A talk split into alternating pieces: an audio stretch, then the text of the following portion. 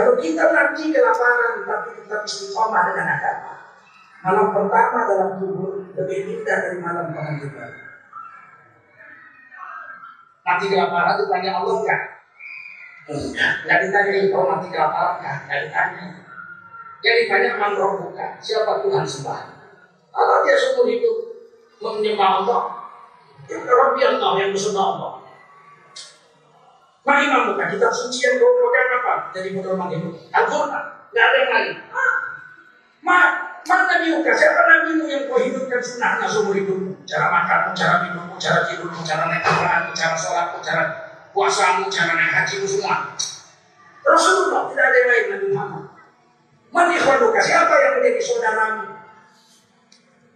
Yang menjadi saudaramu dalam kehidupan di dunia. Muslimin muslimat. Apa Malam pertama dalam kubur lebih indah dari malam penanti baru. Diambilkan ziros dari surga, ziros dari jannah. Ambil, kata Allah sama malaikat. Karpet dari surga. Bentangkan di kuburnya, tiga bagi di atas karpet surga itu. Setiap pagi dan petang, habis kubur habis asar, dibuka itu surga, dicium dan harum surga kepadanya.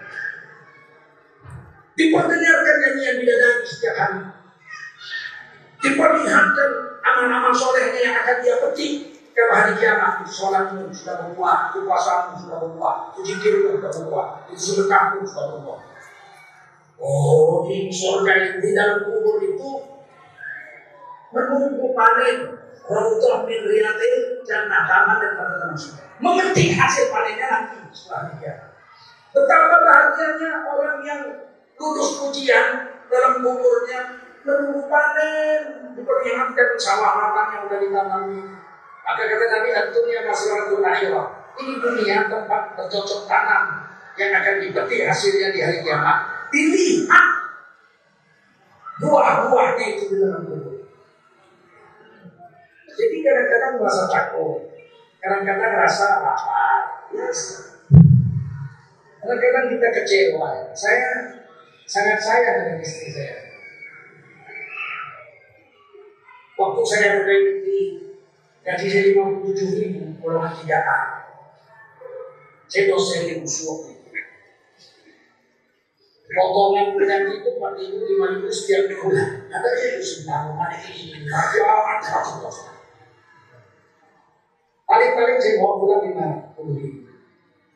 Potongan 4 ribu ngasih yang negara yang bayarkan gaji itu, kalau nggak kasih, untungnya pada pulang ribu.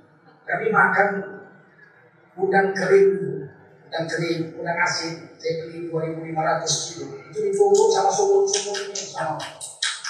Di sambal itu lagi makan empat bulan pernah tukar itu. Sampai istri saya itu makan sendiri masih berdua. Masak bayang-bayang yang tumbuh di halaman bayang-bayang bumi. Apa yang bisa saya satu hari kami harus puasa nggak masalah. Ini tinggal seratus rupiah. Telur satu.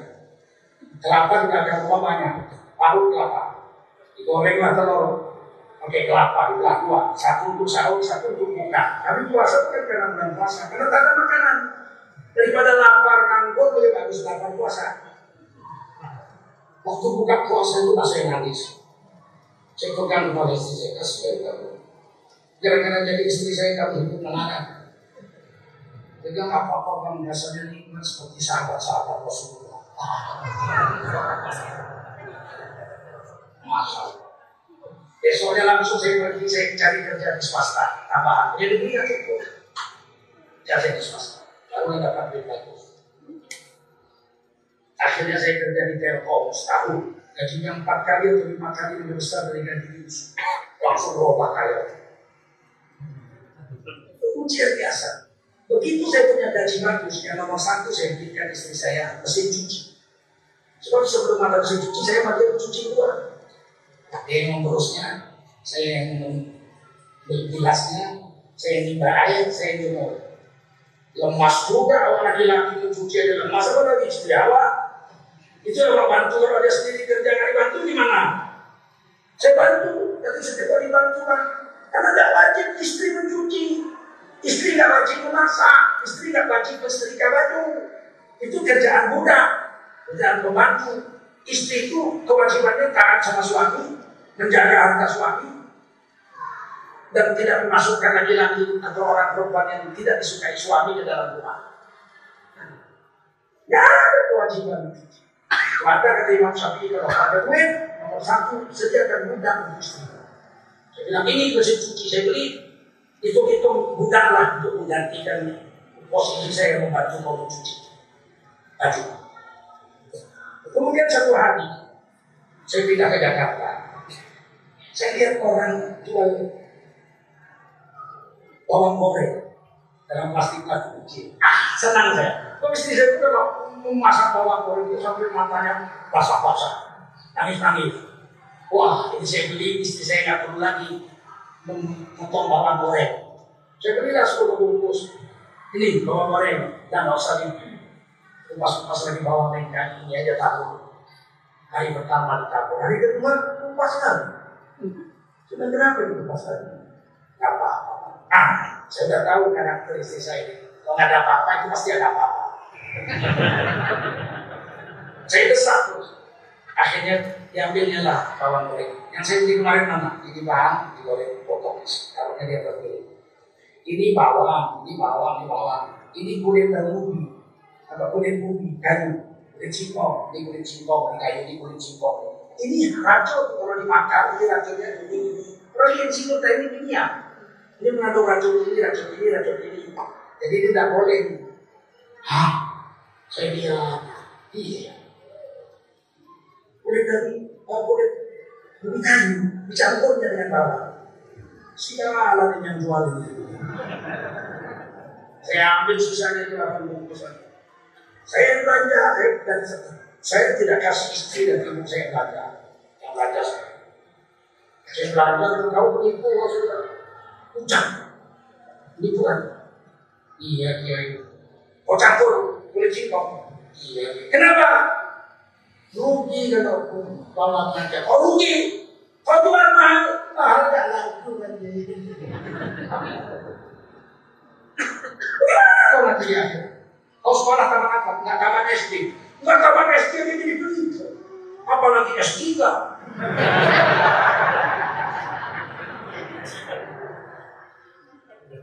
takut lapar, takut miskin, mencuri. Takut lagi digeser mencuri. Kalau menteri sosial makan uang bansos, kurasa bukan karena takut miskin, menteri kok miskin. Kita disuruhnya pakai tiga m, cuci tangan, jaga jarak, pakai masker. Ya tujuh belas m, timbangnya duit bansos.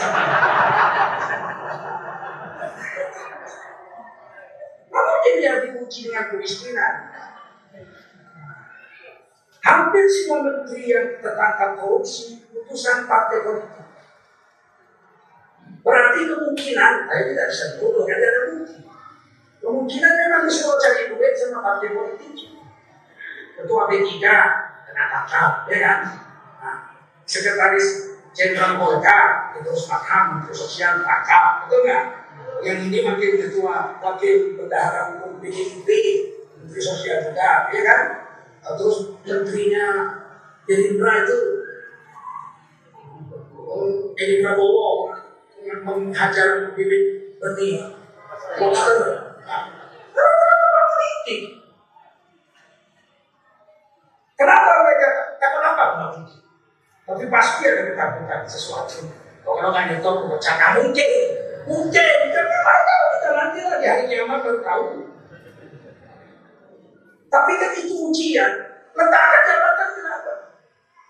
Saya direktur utama yang ketiga bukan kalian kalian ya. Tidak kalau kita ketika perjanjian menjalankan administrasinya secara manajemen Islami saya tinggalkan pindah pindah saya Jakarta ternyata tidak tidak kan itu yang sudah saya buat itu manajemen Islami.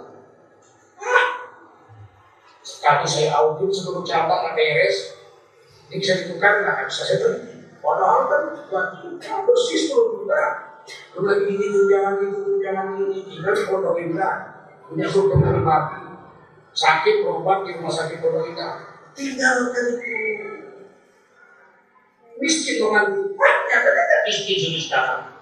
Bisa keliling 36 negara dunia dakwah. Apa urusannya kita takut? Tidak usah takut. Ini ujian. Jika kita dipuji, kita mendekatkan diri sama Allah, mengikuti aturan Allah atau meninggalkan aturan Allah, menjauhi Allah. Kalau kita mendekatkan diri, maka Allah kita lurus dia. Paham? Dengan khauf, wajib, lapar. Anak sih minta wal kekurangan harta biasa. Hidup kita memang selesai, selesai. Biasa. Bung Karno itu anaknya dia pernah kaya raya. Jadi presiden ya, kemudian jatuh. Saya dengar Pak Harto memberikan satu bom bensin sama anak-anak. Dan jangan sampai mereka melarat Jakarta. Makanya guru putra bisa main piano. Khusus piano berapa? Satu orang dikasih bom satu satu. Atau bilang supaya mereka tidak melarat Begitu pun tidak bisa main di panggung Sekarang berpuasa kaya, begitu deh begitu bolak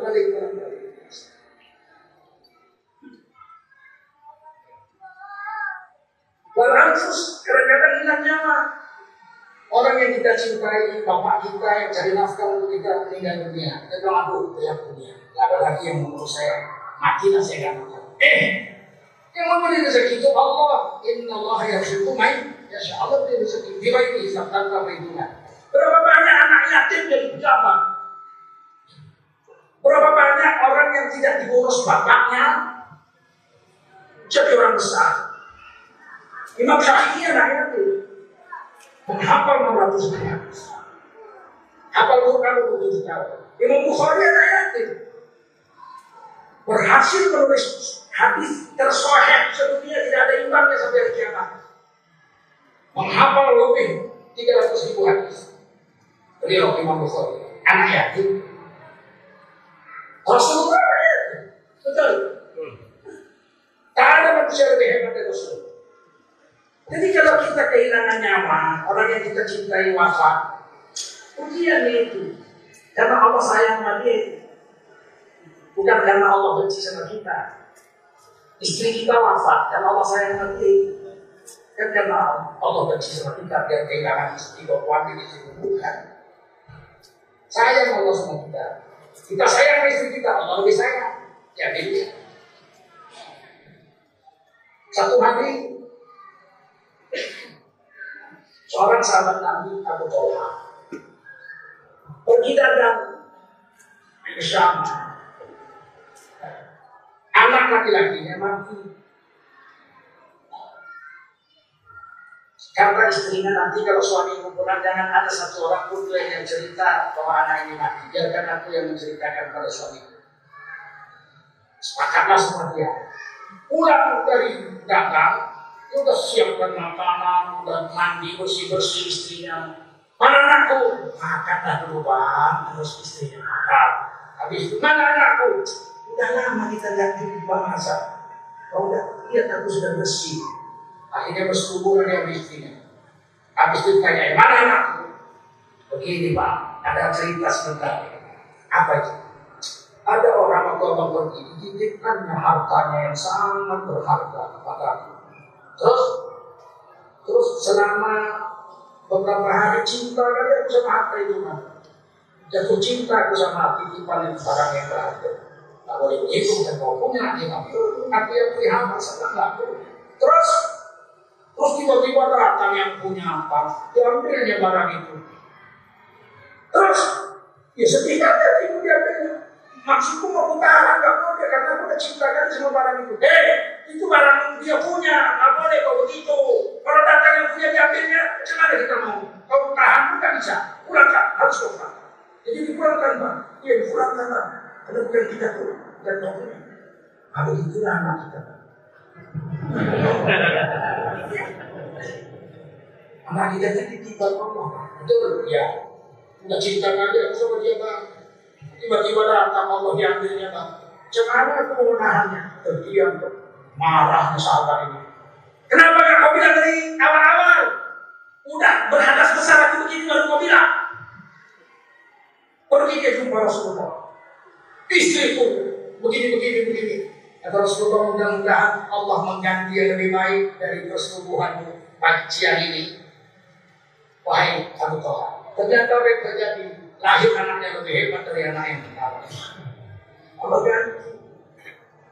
Allah paling tahu. Kita tidak tahu. Waspada. Kadang-kadang ujian itu hilang buah-buahan yang dikatakan. Sini di Sumatera Barat, saya baca, saya tonton beritanya di TV One. Dia nanam pagi, udah kuning pagi, tinggal panen, datang ke Lombok. Habis satu butir pagi pun tidak ada yang di panen lagi. Nangis dari pinggir sawah, ibu-ibu janda tua. Datanglah pimpinannya, Pak Anak, gue kok bisa begini? Tidak ada yang Dia bilang, nangis, habis anak lagi. Lihat gitu. Apalagi mau dibuat semua habis. Datang bantuan dari bupati, datang bantuan dari pusat, dari kaum muslimin. Lebih dari hasil panen yang sudah berpanen. Ketawa, coba mak, wah, alhamdulillah nanti Allah lebih baik dari panen saya. Untung doa ya Allah, tahun depan tanam lagi, kena kelompok lagi.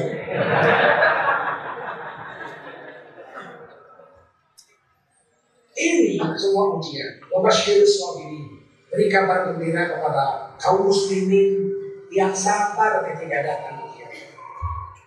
Siapa orang muslimin yang sabar? Alladzina idza asabathum musibatun qalu. Berartinya di qalu.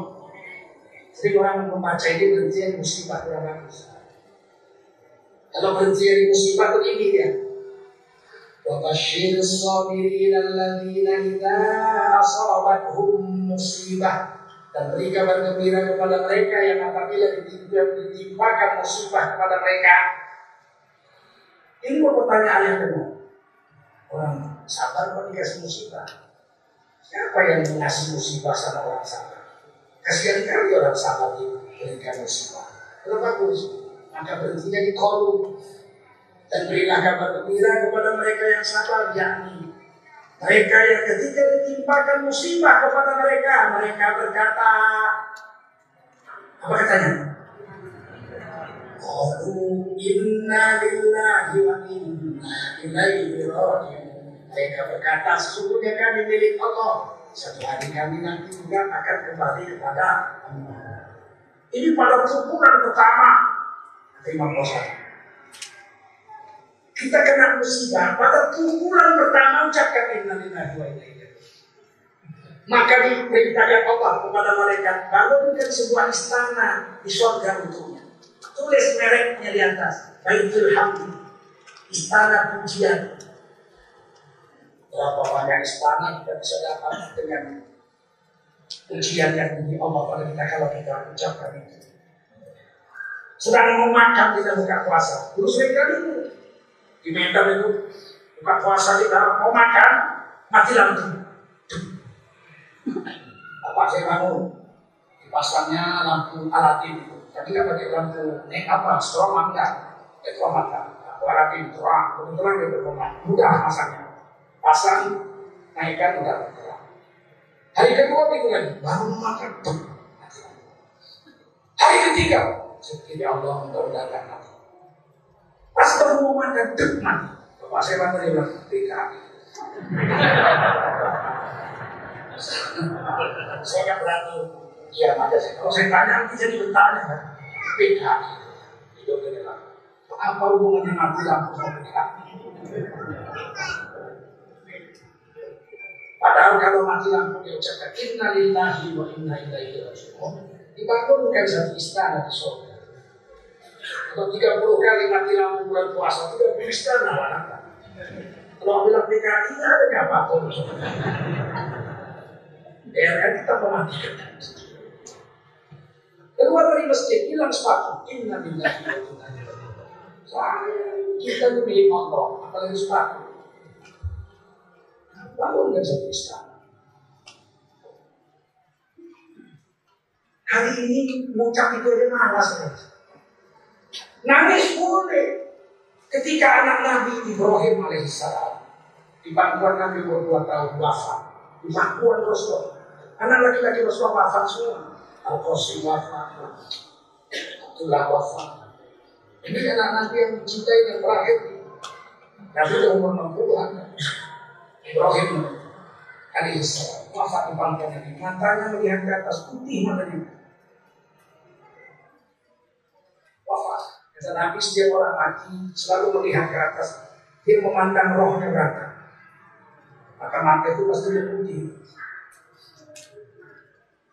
Kemudian Nabi nangis. Jumpa sahabat-sahabat. Nabi tanya, apa itu ya Rasulullah air mata ini? Maksudnya gini, kenapa Nabi nangis gitu kehilangan anak? Nabi bilang ini air mata, kasih sayang yang diletakkan Allah di hati orang beriman. Nangis tidak kenapa. Tapi jangan nangis dan ucapin kita dulu. Paham? Paham? Oh nangis biasa lah anak. Justru aneh kalau ada anak kita mati kita tawa. saya kalau istri saya mati, rumah, kurasa berat kali Separuh jiwa saya untuk istri saya. Baik betul istri saya. Kalau tidur saya lihat dia tidur. Belum muda cantik kan istri Karena udah tua, rambutnya udah putih, insya Allah. 28 tahun hampir kami kawin. Insya. Kalau dia wafat pasti saya bilang. Dan ada hiburan dari Rasulullah. Ayyum mamrul ahmatan wa zawjuha an haramin orang jannah. Istri mana pun yang meninggal dunia wafat, suaminya ridho kepada si wanita itu. Maka wanita itu bisa masuk surga dari pintu mana pun dia mau. Delapan pintu surga, wanita yang mati diridhoi suami. Dia bisa pilih delapan pintu surga dia masuk dari pintu yang Ibu-ibu saya tanya, kalau ibu-ibu meninggal dunia malam ini wafat, kira-kira suami ibu itu enggak sama ibu? Ayo, jawab. Gak tahu. Ridho atau senang? Senang. Kalau senang bahaya tuh. Begitu ibu wafat suami ibu lihat itu. Mati. Alah mati dia. Tidak boleh itu pak. Mati dia. Masuk ke kamar. Mati. Bahaya itu. Nangis ya Allah. Ikolah istiamu ya Allah. Lah 30 tahun sanggup. Ambo susah ini ikut susah. Ambo senang ini ikut senang. Ambo malah ibadah didorongnya ambo sedih. Ambo tidak ada dia, ini sudah.